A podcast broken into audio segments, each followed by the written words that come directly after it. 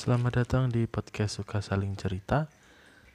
Dan masih dalam kondisi pandemi COVID-19 Ya saya harap teman-teman masih berkomitmen asik untuk menjaga kebersihan, menjaga kesehatan, terutama menjaga imunnya biar tetap kuat.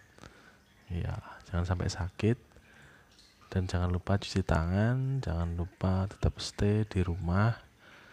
Kurangilah untuk kegiatan-kegiatan yang ada di luar. Karena ya eh, tak ditakutkan nanti rentan lah terkena virus COVID-19 dengar-dengar kan sekarang udah bisa bertahan berapa ya tiga jam atau di udara. Nah itu oh ya dan jangan lupa pakai masker kalaupun harus terpaksa harus keluar. Dan yang lagi happening sekarang terutama di daerah saya sih di kota saya itu teman-teman di luar sana itu lagi hobi-hobinya ini bersepeda. Setiap sore gitu. Di, di sisi lain kan sekarang lagi bulan puasa nih. Nah itu mungkin secara tidak sengaja atau secara tidak langsung mereka ngabuburit sembari berolahraga. Yaitu bersepeda itu tadi. Nah tapi memang kebanyakan dari mereka atau hampir semua lah meskipun dia naik sepeda atau sedang bersepeda itu masih pakai masker. Meskipun kalau aku sendiri naik sepeda terus pakai masker gitu, itu kayak kayak apa ya kayak sesak gitulah maksudnya sulit buat bernapas. Atau mungkin yang nggak pas itu maskernya aja yang nggak pas kali ya. Maksudnya bukan seharusnya bukan gitu gitu maskernya. Nggak tahu sih. Saya sendiri juga jarang bersepeda karena saya lebih memilih uh, workout aja di rumah nggak yang keliling-keliling untuk bersepeda. Nggak hobi juga sebenarnya. Tuh. Cuman teman-teman juga bagus sih kesadarannya dia masih tetap pakai uh, pakai apa namanya? Pakai masker untuk tetap menjaga kesehatan. Cuman yang agak mengganjal itu mereka tetap berkumpul. Aku nggak tahu ya maksudnya hmm, mungkin di sini memang nggak separah di kota-kota besar lainnya sih. Contohnya kayak di Surabaya atau di Jakarta mungkin di Jogja kali atau di Malang gitu. Mungkin nggak separah di situ cuman namanya penyakit ya kita kan kalau saya pribadi sih nggak tahu teman-teman itu lebih baik mencegah daripada mengobati. Itu kata kata orang-orang orang-orang yang berkecimpung dalam dunia kesehatan kan gitu juga kan. Ya aku tahu karena aku tahu dari mereka. Maksudnya aku mengaplikasikan ini karena aku tahu dari mereka. Gitu.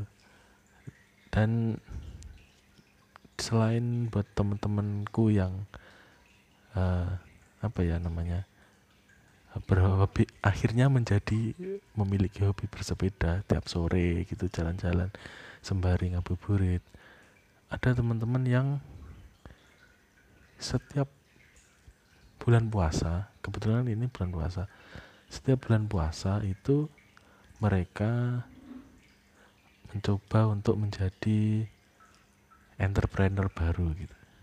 Atau enggak entrepreneur baru sih tapi setiap puasa setiap bulan puasa dia berjualan.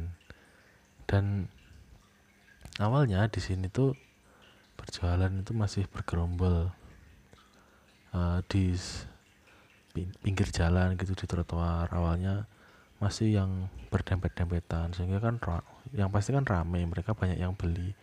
Akhirnya berkumpul lah di situ. Cuman pemerintah kota sini akhirnya memperlakukan semacam kayak apa ya difokuskan jadi penjual itu difokuskan di satu tempat yang mereka itu yang ya penjual-penjual itu dibikin renggang-renggang. Maksudnya ya berjarak. Dan di situ ada petugas dari kesehatan kalau nggak salah. Itu ada beberapa kayak kayak ada panitianya gitu. Dan ada dari satpol pp juga. Nah mudah-mudahan teman-teman yang jualan ini jualannya juga laris. Karena eh, menurut saya pandemi ini juga mempengaruhi ekonomi dari teman-teman yang biasanya dia jualan itu di tempatnya atau di warungnya sendiri dan dia menyediakan apa ya masnya dan India makan di tempat gitu. Nggak nggak bisa take away. Karena kan nggak semua warung makan itu semudah itu untuk di take away. Nah akhirnya beberapa itu ber, berpindah berpindah untuk uh, berjualan berjualan takjil gitu di uh, di tempat itu tadi di tempat yang sudah disediakan. Ya mudah-mudahan uh, mereka bisa laku dagangannya sehingga bisa ya mengangkat ekonomi mereka. Cuman masalahnya nggak hanya di situ. Di sisi lain teman-teman di luar sana yang punya usaha itu bisa dikatakan menengah. Dalam artian sebelum ada covid ini kedainya itu pasti rame. Pasti banyak pelanggan. Dia maksudnya dia memiliki banyak pelanggan. Cuman karena ada pandemi ini akhirnya menghambat menghambat para konsumennya untuk membeli di situ karena memang tempat itu tuh cot paling cocok kalau dibuat dimakan di tempat bukan take away.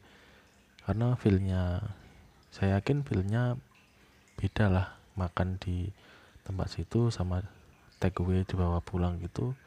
Saya yakin feelnya kurang karena uh, suasananya juga suasana kedainya itu itu mendukung buat uh, dan in di situ atau makan tempat makan di tempat itu. Nah itu memang bias, biasanya dia itu rame banget. Maksudnya pelanggannya itu banyak banget yang sehari itu bisa kalau minuman gitu mungkin sampai 80 cup lebih lah di situ. Nah, akhirnya dengan adanya pandemi ini dia jadi sepi karena hanya mengandalkan takeaway aja. Dan mungkin uh, masyarakat di kota sini nggak semuanya terbiasa dengan takeaway. Ya karena kalau sambil nongkrong gitu kan bisa sambil ngobrol lama gitu pesennya apa gitu tapi ngobrolnya yang lama. Biasanya kan itu yang dicari. Uh, bukan bukan hanya soal makanan enak cuman bukan cuman tempat yang enak tapi juga dia bisa ngobrol sama teman-temannya lama gitu saling yes, ini saling cerita gini. Saling cerita. Akhirnya kalau buat take away jadi ah males ah jadi nggak enak. Dan di sisi lain teman-teman di sini juga kalau keluar itu kebanyakan ya untuk bersepeda itu jarang lah untuk dia beli akhirnya beli uh, beli makanan beli camilan gitu di kedai-kedai gitu beli minuman apa kopi atau apalah SS itulah. Itu jarang. Memang akibatkan apa ya pen, pemasukan dia itu jadi berkurang. Nah itu mungkin nanti di episode selanjutnya. Nanti coba apa ya saya ajak collab di podcast ini. Gimana sih keluh kesah mereka atau apa ya kiat-kiat mereka untuk menghadapi pandemi ini agar warungnya itu atau kedainya itu tetap bertahan itu karena ya memang dikatakan itu uh, warung yang sudah rame cuman karena kondisi ini kan dia jadi berkurang pendapatnya. Nah kan resiko untuk dia dari di dikatakan menengah untuk turun menengah ke bawah itu kan nah, kemungkinan. Sedangkan kalau semisal di apa ya diajukan kayak bantuan untuk UMKM kemungkinan sih kedai-kedai teman-teman ini nggak masuk.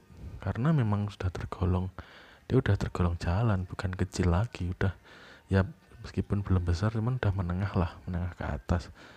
Cuman di situ dia beresiko untuk akhirnya dari menengah ke atas itu status dia jadi di, ada di bawah. Karena ya itu pemasukan mereka kalau menurut saya dan setahu saya itu satu-satunya ya dari dia berjualan di kedainya itu. Ketika dia tidak ada pemasukan dan dia tetap katakanlah ada tagihan entah itu listrik kah. Yang jelas kan kalau listrik setauku yang diberi gratis kan yang 450 sama ada yang 900 itu di diskon. Cuman aku yakin teman-teman ini nggak pakai untuk untuk voltase yang segitu. Pasti dia yang 1000 ke atas. Karena kalau nggak gitu nggak nggak kuat listriknya.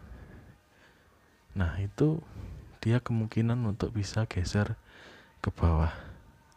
Nah, mungkin untuk episode selanjutnya coba saya ajak teman-teman untuk ya ngobrol-ngobrol di podcast ini. Gimana sih kalian? Gitu. Oke sekian podcast suka saling cerita. Terima kasih. Semoga teman-teman bisa enjoy dengan episode ini.